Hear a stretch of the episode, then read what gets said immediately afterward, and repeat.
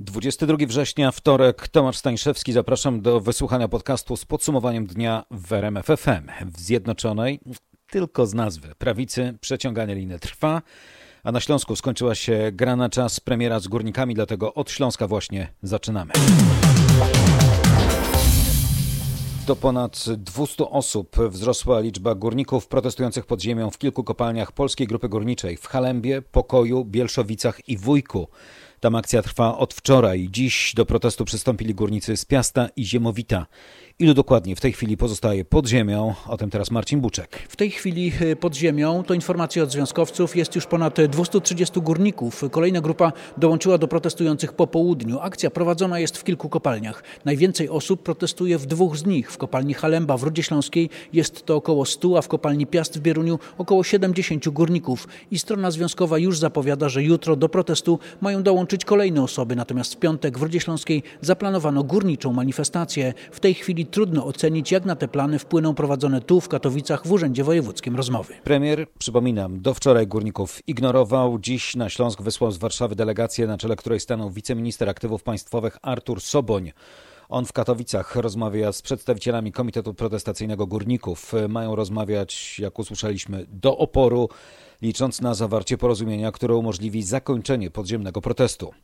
A jeżeli nie dojdzie do porozumienia, to jutro, jak słyszeliście w relacji naszego reportera, do protestu włączą się kolejne grupy górników w kolejnych kopalniach. W piątek w Rudzie Śląskiej manifestacja górników ze śląskich kopalń, których mają wesprzeć reprezentanci innych branż zagrożonych skutkami polityki klimatyczno-energetycznej Unii Europejskiej, a także mieszkańcy Rudy i miast ościennych. Przypomnijmy zatem, co dokładnie tydzień temu mówili nam mieszkańcy Rudy. Jak zamkną kopalnię, to już ruda może być zamknięta, już jej nie będzie. Bezrobocie bardzo wielkie. Pan się boi, że tutaj też tak może być? Na pewno tak będzie. Jak zamkną, to na pewno tak będzie. Niepokój jest z waszej strony? Yy, No jest, bo to są ogromne pieniądze. Takie mamy piękne życie. Przy hałdzie, co? Tak. A to są nasze Alpy. Wyglądają tylko fajnie, jak są śniegiem pokryte. Ruda Śląska 140 tysięcy mieszkańców i w jednej tylko kopalni Ruda mamy aż trzy zakłady. Pokój, Bielszowice i Halemba. Do tego energochłonna Huta Pokój, ale też w Rudzie elektrociepłownia Mikołaj. To był Śląsk, a w Warszawie okrzyki ręce precz od stoczni. Takie hasła można było usłyszeć przed Ministerstwem Gospodarki Morskiej. Tam kilkudziesięciu pracowników stoczni Gryfia w Świnoujściu protestowało przeciwko planom sprzedaży ich zakładu. Ponad 240 osób by straciło pracę. Oczekujemy, żeby nam nie zamknięto miejsc pracy. Dojazd do Szczecina nie wchodzi w grę. Nie, absolutnie. Tam są obsadzone stanowiska i tam nie ma jak, e, to jest po trzy godziny dojazdów, to jest, nie ma sensu w ogóle. Ludzie muszą mieć miejsca pracy, żeby mogli godnie żyć, a nie wszystko likwidować. No niestety, za coś musimy chleb kupić. Te głosy wśród protestujących zebrał nasz reporter Michał Dobrołowicz. Uczestnicy pikiety złożyli w resorcie petycję ze swoimi postulatami. Zarząd stoczni związkowcom przekazał, że pracy nie stracą, będą mogli dalej wykonywać swój zawód, ale będą musieli dojeżdżać 100 kilometrów do Szczecina. Związkowcy twierdzą, że wraz z firmami kooperującymi to nie będzie 240, a nawet 1500 osób, które mogą stracić pracę w związku ze sprzedażą świnoujskiego oddziału stoczni Gryfia. W pierwszym dniu astronomicznej jesieni pytanie o jesień protestów w kontekście tego, co na Śląsku i nad Bałtykiem, wydaje się zasadne. Postawmy na konkrety. 711 nowych przypadków koronawirusa. Najwięcej 112 w Małopolsce, która wraca dziś na pierwsze miejsce listy zakażeń. Gdzie pojawiły się nowe małopolskie ogniska? O tym teraz Marek Wiosło. Nowe ogniska koronawirusa wykryto w dwóch domach pomocy społecznej na terenie Małopolskiej. W Czarnym Dunajcu odnotowano 21 przypadków zakażeń wśród pensjonariuszy. 20 osób skierowano na kwarantannę. Na kwarantannie przybywa też 40 osób z domu pomocy społecznej Mszanie Dolnej. Tam zakażenie wykryto u dwóch osób. Do 21 wzrosła liczba osób zakażonych w Instytucie Onkologii w Krakowie. Zamknięty jest tam oddział radioterapii. Część pacjentów ewakuowano na na szpitalne oddziały zakaźne. Koronawirusa wykryto także u jednego z zakonników w opactwie w Tyńcu. Na kwarantannie przebywa kilkanaście osób, zamknięto tam także kościół. Małopolska, powtarzam, 112 nowych przypadków, na Mazowszu 108, a trzecie jest pomorskie, 83 nowe zachorowania. Gdzie tu pojawiły się nowe ogniska, aktualną listę przeanalizował Kuba Kaługa. Jak przyznają inspektorzy Sanepidu, na liście nowych ognisk przybywa szkół. Tak jest m.in. w powiecie puckim, kartuskim, wejherowskim czy w Gdyni. Zakażenia przeważnie dotyczą nauczycieli, w pojedynczych przypadkach także uczniów. Powiększa się też ognisko związane z wycieczką seniorów z Sopotu. Do wczorajszych trzech zakażeń doszły dziś trzy kolejne. W aż 50 przypadkach, czyli zdecydowanej większości nowych zakażeń, obecność koronawirusa potwierdzono u osób, które wcześniej nie były objęte kwarantanną ani nadzorem epidemiologicznym. Są to przypadki o nieznanym źródle zakażenia i dopiero trwające dochodzenia epidemiologiczne być może pozwolą ustalić, w jaki sposób dane osoby zakaziły się koronawirusem. Dodam, że wykonano ostatniej doby 22,5 tysiąca testów. Niestety zmarło kolejne 18 osób zakażonych koronawirusem w wieku od 48 do 94 lat. Liczba zakażeń koronawirusem będzie rosła. Tak mówił dziś wprost minister zdrowia Adam Niedzielski. Był gościem konferencji Zmiany w ochronie zdrowia zorganizowanej przez uczelnię Łazarskiego i firmy Wolters Kluwer Polska. To spotkanie było poświęcone transformacji systemu ochrony zdrowia w kierunku, uwaga, płacenia za wyniki leczenia.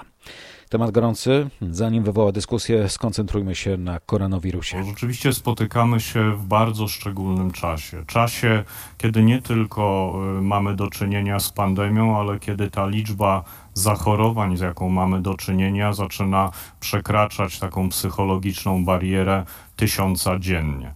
To jest oczywiście zjawisko, którego się spodziewaliśmy, e, wracając do normalnego trybu życia, do pracy. Nasze dzieci e, są w szkołach, w przedszkolach i w związku z tym ta liczba na pewno będzie rosła. Najważniejsze w tej sytuacji to jest działać odpowiedzialnie. Ja korzystając też z tej okazji, zanim przejdę do meritum naszego spotkania, to chciałem e, zwrócić się do całego środowiska, wszystkich ludzi, którzy są skupieni wokół e, zagadnienia jakości, wokół tego, jak działa nasz system, którzy na co dzień wykazują troskę na temat e, tego właśnie, jak funkcjonuje nasz system i jak wygląda też rzeczywistość walki z pandemią. Szanowni Państwo, wszyscy doskonale wiemy, że coraz popularniejsze stają się głosy e, zaprzeczające podstawowym paradygmatom i pewnikom, e, które przyjmowaliśmy do tej pory, że są podstawowym kanonem wiedzy na temat tego, jak walczyć z pandemią, na temat tego, jak po prostu odpowiedzialnie zachowywać się w czasie pandemii.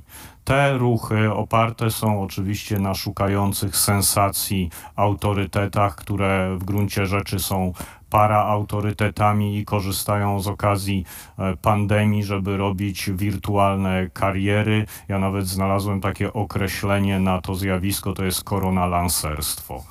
E, apeluję do wszystkich, którzy myślą racjonalnie, którzy działają pragmatycznie, e, dajmy odpór tym głosom. Noszenie maseczki ma sens, zachowanie dystansu, który staramy się utrzymać tutaj y, na wizji, również ma sens. Dezynfekcja i podstawowe dbanie o higienę to są zasady, które są bardzo poważnym narzędziem broniącym nas przed rozwojem pandemii. E, mówię o tym dlatego, że tak jak wczoraj były między innymi opublikowane badania Cebosu, które mówią o tym, że 60, ponad 60% z nas akceptuje na przykład karanie za brak maseczek, to jeżeli popatrzymy sobie na przestrzeń publiczną, to bardzo rzadko obecne są te głosy racjonalne, dominują głosy y, nieracjonalne. Dlaczego tak jest? Ano dlatego, że uważamy, że te rzeczy, które my akceptujemy i które dla nas są jednoznaczne, są oczywiste oczywiste. A okazuje się, że rzeczywistość taka nie jest i one nie są oczywiste. Także prosiłbym e, każdego, każdy z nas niech ma takie poczucie misji, że trzeba nieść kaganek oświaty. Pewne rzeczy, które wydawały nam się oczywiste, wcale oczywistymi nie są. I ja wiem, że być może odkrywamy na nowo, że kula ziemska jest okrągła, ale rzeczywiście w zderzeniu z głosami, z jakimi mamy do czynienia, musimy wrócić do tłumaczenia podstawowych paradygmatów. I to jest misja nie tylko państwa, nie tylko ministra zdrowia, to jest misja każdego z nas, żeby w rozmowach codziennych z przyjaciółmi, z rodziną, e, z osobami, z którymi mamy okazję się spotykać, czy zawodowo, czy bądź na stopie prywatnej żeby cały czas tłumaczyć, jak bardzo ważne są te podstawowe zagadnienia, które są mechanizmem broniącym nas przed e, pandemią. Szanowni Państwo, to y, ten wstęp oczywiście wydaje się trochę y, dygresją, ale w gruncie rzeczy on też mówi y, i jest wyraźnym odniesieniem do zagadnienia, o którym Państwo będziecie dzisiaj debatowali. Zagadnienie jakości jest z mojego punktu widzenia fundamentalną rzeczą, wokół której powinniśmy skupić naszą dyskusję o tym, jak zmieniać sektor zdrowia. Jak zmieniać cały system, jak porządkować poszczególne elementy, bo ja jestem zwolennikiem ewolucji takiej pozytywistycznej pracy nad poszczególnymi elementami, a nie robienia e, rewolucji, z której najczęściej wynikają koszty transakcyjne czy koszty transformacji, które potem trzeba dziesiątkami lat e, odrabiać i wtedy przychodzi następna rewolucja. W związku z tym trudno mówić o zysku w całym przedsięwzięciu. Przypomnę, w sobotę resort słyszanego Adama Niedzielskiego potwierdził 1002 zakażenia koronawirusem. Wykonano wtedy ponad 20 tysięcy testów. Niedzielski podkreśla, wzrost udziału pozytywnych testów w ogólnej ich liczbie to jest skutek zmiany strategii testowania i bezwzględnego wzrostu liczby zachorowań. Testowane w tej chwili są przede wszystkim osoby z objawami, zrezygnowano z testowania osób na kwarantannie i po izolacji. No to teraz e, polityka, która żyje swoim niespiesznym życiem. Na jutro, na 13, zaplanowano kolejną turę rozmów kierownictwa Prawa i Sprawiedliwości na temat przyszłości Zjednoczonej Prawicy. Rozgrywający Oczywiście, Jarosław Kaczyński. On rozmawiał dziś z liderem porozumienia, Jarosławem Gowinem, przy świadkach, bo w rozmowie uczestniczył też premier Mateusz Morawiecki i poseł PiS Marek Kuchciński. Wczoraj Kaczyński spotkał się ze Zbigniewem Ziobro w willi na Baciarellego należącej do kancelarii prezydenta. Przedstawić miał Ziobrze warunki dalszego trwania koalicji i teraz czeka na odpowiedź lidera Solidarnej Polski. Czego prawi i sprawiedliwi oczekiwaliby od swoich koalicjantów? O tym mówił w porannej rozmowie w RMF FM Radosław Fogiel-Spis, który był dziś gościem Roberta Mazurka. Zarówno od pana ministra Ziobro, jak i od całej Solidarnej Polski oczekiwalibyśmy tego, o czym mówimy już od dawna, to znaczy koalicyjnej lojalności, ważenia realiów politycznych, nie zaskakiwania nas, nie forsowania własnych nieustalonych rozwiązań programowych. No, wydawałoby się, że to są rzeczy dość oczywiste Panie pośle, ale zdaje się, że jedna sprawa, sprawa, którą, od której zaczęła się ta cała, ta cała historia, ten cały kryzys, czyli historia ustawy o ochronie zwierząt jest już za nami. Teraz właściwie tylko Senat i prezydent. No więc jeżeli nie o to chodzi, a pan mówi, mm, że, mamy, że mają ważyć swoją pozycję, co to oznacza? Że mają na przykład zrezygnować z Ministerstwa Środowiska, że mają zrezygnować z posad wiceministrów? Hmm. Zacznę od tego, że kwestia dotycząca ustawy o ochronie zwierząt to jest kwestia wtórna, jeśli nie trzeciego rzędu tak naprawdę. Była okazją, przy której się ujawniły pewne sprawy, ale to przecież nie jest kwestia tylko tej ustawy i to nie jest kwestia najważniejsza. No nie ukrywamy, że problemy były już wcześniej. Panie redaktorze, no jeżeli pan premier, i to były miesiące temu, jeżeli pan premier jedzie do Brukseli na szczyt unijny, a współpracownicy ministra Ziobro łajają go na Twitterze w sposób dość obcesowy albo e, formułują swoje nawet nie oczekiwania, tylko żądania wobec niego. Później mieliśmy e, tą, sytuację, tę sytuację z e, odwołaniem łódzkiego kuratora, gdzie został na Prawo i Sprawiedliwość przy, przypuszczony atak, jakoby to była decyzja nie oparta na merytorycznych przesłankach. I to takie tylko z niedalekiej przeszłości przykłady, więc no, tak jak mówię, ten problem koalicyjny narastał. Dzisiaj słyszymy, że tak naprawdę problem nie zostanie rozwiązany do jutra, tylko do piątku. Czy ten serial pod tytułem Rekonstrukcja 2, Powrót Ziobry, będzie się przedłużał? E, nie wiem, czy to jest e, film, na który bym kupił bilety i będziemy się starali e, go nie przedłużać. Proszę pana, ja zostałem zmuszony. Ja, mnie przywiązano do fotela i dlatego go, go oglądam. Ja wiem, ja bardzo się cieszę, że jestem dzisiaj w domu, bo nie wiem, czy słuchacze, słuchacze pewnie nie wiedzą, u, u redaktora Mazurka jest taki zwyczaj, że gości się z kolei przywiązuje do fotela, więc ja te, też dzisiaj się czuję dużo swobodniej. Powiem tak, ja wiem, że ku frustracji wielu osób, zwłaszcza dziennikarzy, nasz wczorajszy komunikat był dość e, lakoniczny i enigmatyczny. No Nie, proszę powiedzieć taki... po prostu, jak długo będziemy czekali na efekty rozmów. Tylko tyle. No mam nadzieję, że do końca tygodnia będzie już wiadomo. Zatem na ciąg dalszy serialu politycznego czekamy. Nieoficjalnie ceną za utrzymanie koalicji miałoby być przekazanie prokuratury krajowej w ręce PiS czyli stanowisko straciłby Bogdan Święczkowski. Taki ruch byłby wyrwaniem zębów Ziobrze i to bez znieczulenia. Tak barwnie opisywał ten zabieg e, nasz reporter Mariusz Piekarski. Ziobro straciłby narzędzia do sterowania poszczególnymi śledztwami, a może mieć na nie pośredni wpływ właśnie poprzez nadzór nad prokuraturą krajową. Wymiana szefa tej prokuratury na kogoś związanego z Nowogrodzką, a nie z Ziobrą, pozwoli PiSowi kontrolować ministra sprawiedliwości. No i tu pojawia się kolejny wątek wojny Ziobro-Morawiecki. Politycy PiS obawiają się, a wręcz mają pewność, że w wojnie o opozycję w Zjednoczonej Prawicy to Morawiecki ma być namaszczony na następcę prezesa Jarosława Kaczyńskiego. Ziobro mógłby wtedy grać śledztwami skierowanymi przeciwko Morawieckiemu, choćby w sprawie organizacji wyborów prezydenckich 10 maja. Podobnie w sprawie ministra Jacka Sasina czy eksministra zdrowia Łukasza Szumowskiego. Zmieniając prokuratora krajowego, to PiS miałby dostęp do planów i ruchów Ziobry, po drugie może klinczować decyzję prokuratora generalnego. A co mają do powiedzenia stronnicy Zbigniewa Ziobro? Gdyby na przykład w pisowskich głowach urodził się jeszcze szerszy plan, odsunięcie Solidarnej Polski od resortu sprawiedliwości? Co na to wiceszef tego ministerstwa, Sebastian Kaleta, gość popołudniowej rozmowy w RMFFM? No tutaj na pewno y, byłby stanowczy sprzeciw z naszej strony, ale póki co z rozmów oficjalnych prowadzonych przy stole negocjacyjnym takie postulaty ze strony Prawa i Sprawiedliwości nie padały. Kaleta, członek nieformalnej grupy Kakao, Młode Wilki Solidarnej Polski. Kaleta, Kantak, Ozdoba. Tak w Sejmie ochrzczono ludzi Zbigniewa Ziobry, czyli wspomnianego Kaletę, Jana Kantaka i Jacka Ozdobę. Oni, przypomnę, stali za tak zwaną ustawą kagańcową uderzającą w sędziów. Kakao, pierwsze litery nazwisk, no i nawiązanie do młodego wieku stronników ministra sprawiedliwości z dużym ego i poczuciem własnej roli w zmienianiu systemu sądownictwa. Posłuchajcie.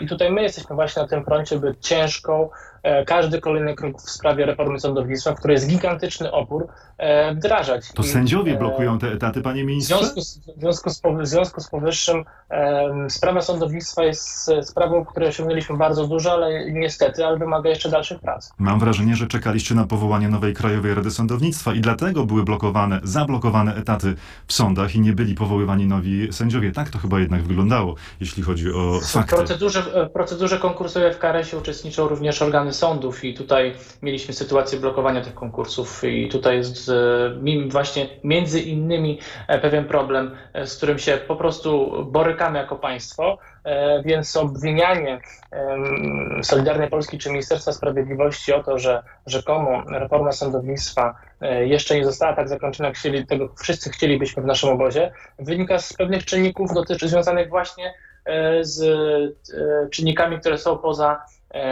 naszym, można powiedzieć, e, faktycznym wpływem, a konsekwentnie proponujemy rozwiązania legislacyjne, które te blokady e, mozolnie usuwają. Sebastian Kaleta jest naszym gościem, Solidarna Polska, Ministerstwo Sprawiedliwości. Mam kilka cytatów teraz e, dla pana, proszę pozwolić. Mm, zaczynam. Skala nepotyzmu, która jest obecnie w naszym kraju jest niewyobrażalna. Skala zatrudnionych działaczy, ich rodzin, żon, synów i córek niemalże prowadzi do uwłaszczania się klasy politycznej. I dalej, czas wyeliminować patologię przy zatrudnianiu w spółkach państwowych. Tak mówili politycy Solidarnej Polski wtedy, kiedy byli w opozycji. Dlaczego dzisiaj, kiedy jesteście w rządzie, nie bijecie na alarm, widząc, co się w spółkach Skarbu Państwa dzieje? No, mamy w, te, sytuację związana z zarządzaniem spółkami Skarbu Państwa zawsze budzi wielkie emocje. Solidarna Polska wbrew temu, co się twierdzi w mediach, nie jest głównym aktorem w kreowaniu tej polityki kadrowej, e, ponieważ w mediach ciągle czytamy o jakichś wielkich wpływach Solidarnej Polski w tym zakresie jest e, odmiennie. To czy nie ma e, ludzi Solidarnej Polskiej w spółkach Skarbu Państwa? Panie ministrze, trzymajmy się faktów. Mówię o skali, którą się prezentuje, bo w mediach można przeczytać, że nie ma po prostu e, te spółki Skarbu Państwa, to e, na co drugim kroku jest jakaś osoba związana z Solidarną Polską. Rozumiem, ale są tam ludzie Solidarnej Polski, teraz, prawda, panie ministrze? Teraz mam taką ciekawostkę do, do przekazania słuchaczom w związku z tymi licznymi e, publikacjami, jak również słowami pana Giżyńskiego z wczoraj.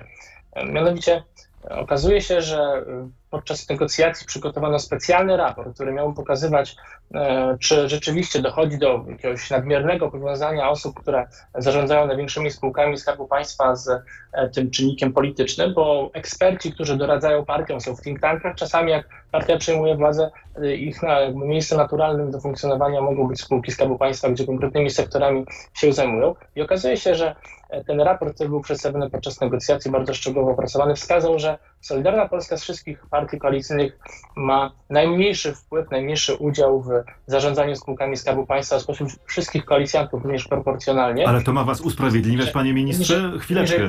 Poniżej, poniżej pół procenta. To pół procent to między innymi żona Zbigniewa Ziobry, Patrycja Kotecka, zasiadająca w zarządzie należącego do PZU Towarzystwa Ubezpieczeniowego Link 4. Doradcą prezesa banku PKO jest brat ministra Witold Ziobro.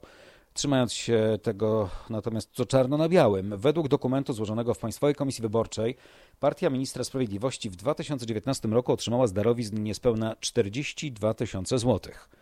14 tysięcy, czyli ponad 1 trzecią tej kwoty, wpłaciła Małgorzata Erlich-Smurzyńska, dyrektor Biura Kontroli Finansowej i Zarządzania Ryzykiem i Zgodnością PKN Orlen. Rok wcześniej ta sama osoba wpłaciła 11 tysięcy złotych, a zaczynała, przypominam, od udzielania porad prawnych w biurze poselskim Zbigniewa Ziobry i senatorskim Jacka Włosowicza w Kielcach. Im dalej w las, tym ciemniej. Przyznanie Solidarnej Polsce resortu środowiska kierowanego przez Michała Wosia sprzyjało kadrowej karuzeli w lasach państwowych. I tak do Centrum Informacyjnego Lasów Państwowych trafił Dariusz Matecki, szczeciński samorządowiec Solidarnej Polski. Paweł Śliwa, były radny partii, zasiada w zarządzie Polskiej Grupy Energetycznej. W zarządzie PZU Życie możemy spotkać związanego z tym środowiskiem Bartłomieja Litwinczuka. Inny członek zarządu tej spółki, Maciej Rabkiewicz, był niegdyś członkiem zarządu Stowarzyszenia Stop Korupcji, gdzie polityczną karierę rozpoczynał Patryk Jaki. Związany kiedyś z Solidarną Polską Marcin Szczudło zasiada w zarządzie PGE Obrót Detaliczny. No i jeszcze jeden człowiek przez lata związany z Solidarną Polską. Jacek Kurski, obecny prezes zarządu TVP, a to tylko, jak słyszeliśmy, przecież pół procent. A propos polityki i sprawiedliwości. Polska będzie nadal odpytywana w związku z łamaniem zasad praworządności. Nie zostały spełnione warunki, by zakończyć procedurę artykułu 7 Traktatu Unii Europejskiej wobec Polski i wobec Węgier. Procedura będzie więc kontynuowana. Tak powiedział po spotkaniu ministrów do spraw europejskich Niemiec Michael Roth. Przypominam, Niemcy przewodniczą pracą Unii Europejskiej w tym półroczu. W grudniu ma odbyć się kolejne przesłuchanie Polski, a w przyszłym tygodniu Komisja Europejska przedstawi raporty na temat stanu praworządności we wszystkich 27 krajach Unii. Najważniejsza jednak obecnie jest kwestia powiązania przyszłego budżetu i koronawirusowego funduszu z przestrzeganiem zasad państwa prawa. Po tym jak Węgry zagroziły dwa tygodnie temu wetem, jeżeli taki mechanizm powstanie, do kontrataku przeszły Finlandia, Dania, Szwecja, Holandia oraz Belgia i Francja. Naprawdę potrzebujemy bezpośredniego związku budżetu z przestrzeganiem zasad praworządności, mówił holenderski minister Stef Blok. Kraje skandynawskie także pośrednio zagroziły wetem, podkreślając, że na lipcowym szczycie dały zgodę na budżet i nowy fundusz, ale warunkiem wstępnym był mechanizm praworządności. Rękę na pulsie faktów trzyma nasza unijna ekspertka Katarzyna Szymańska-Borgino. Odpocznijmy teraz od polityki. Dzisiaj pierwszy dzień astronomicznej jesieni. W Tatrach powinno być już raczej chłodno i deszczowo. Ale nic z tego. Na razie turystom nic jesieni w Tatrach nie przypomina. Jest przepięknie, codziennie. Mieć mieć u, ulewy, brzydką pogodę, jest cudownie. No na razie to pięknie, lato. lato. Podoba nam się, fajnie jest. Kalatówkach pani się pytała, co trzeba zrobić, żeby uczcić pierwszy dzień jesieni, znaczy ostatni dzień lata. Można sobie na przykład spalić twarz słońcem. I to jest pomysł na jutro. Tomasz Stańszewski, dziękuję za uwagę. To był podcast Podsumowanie dnia w RMF FM.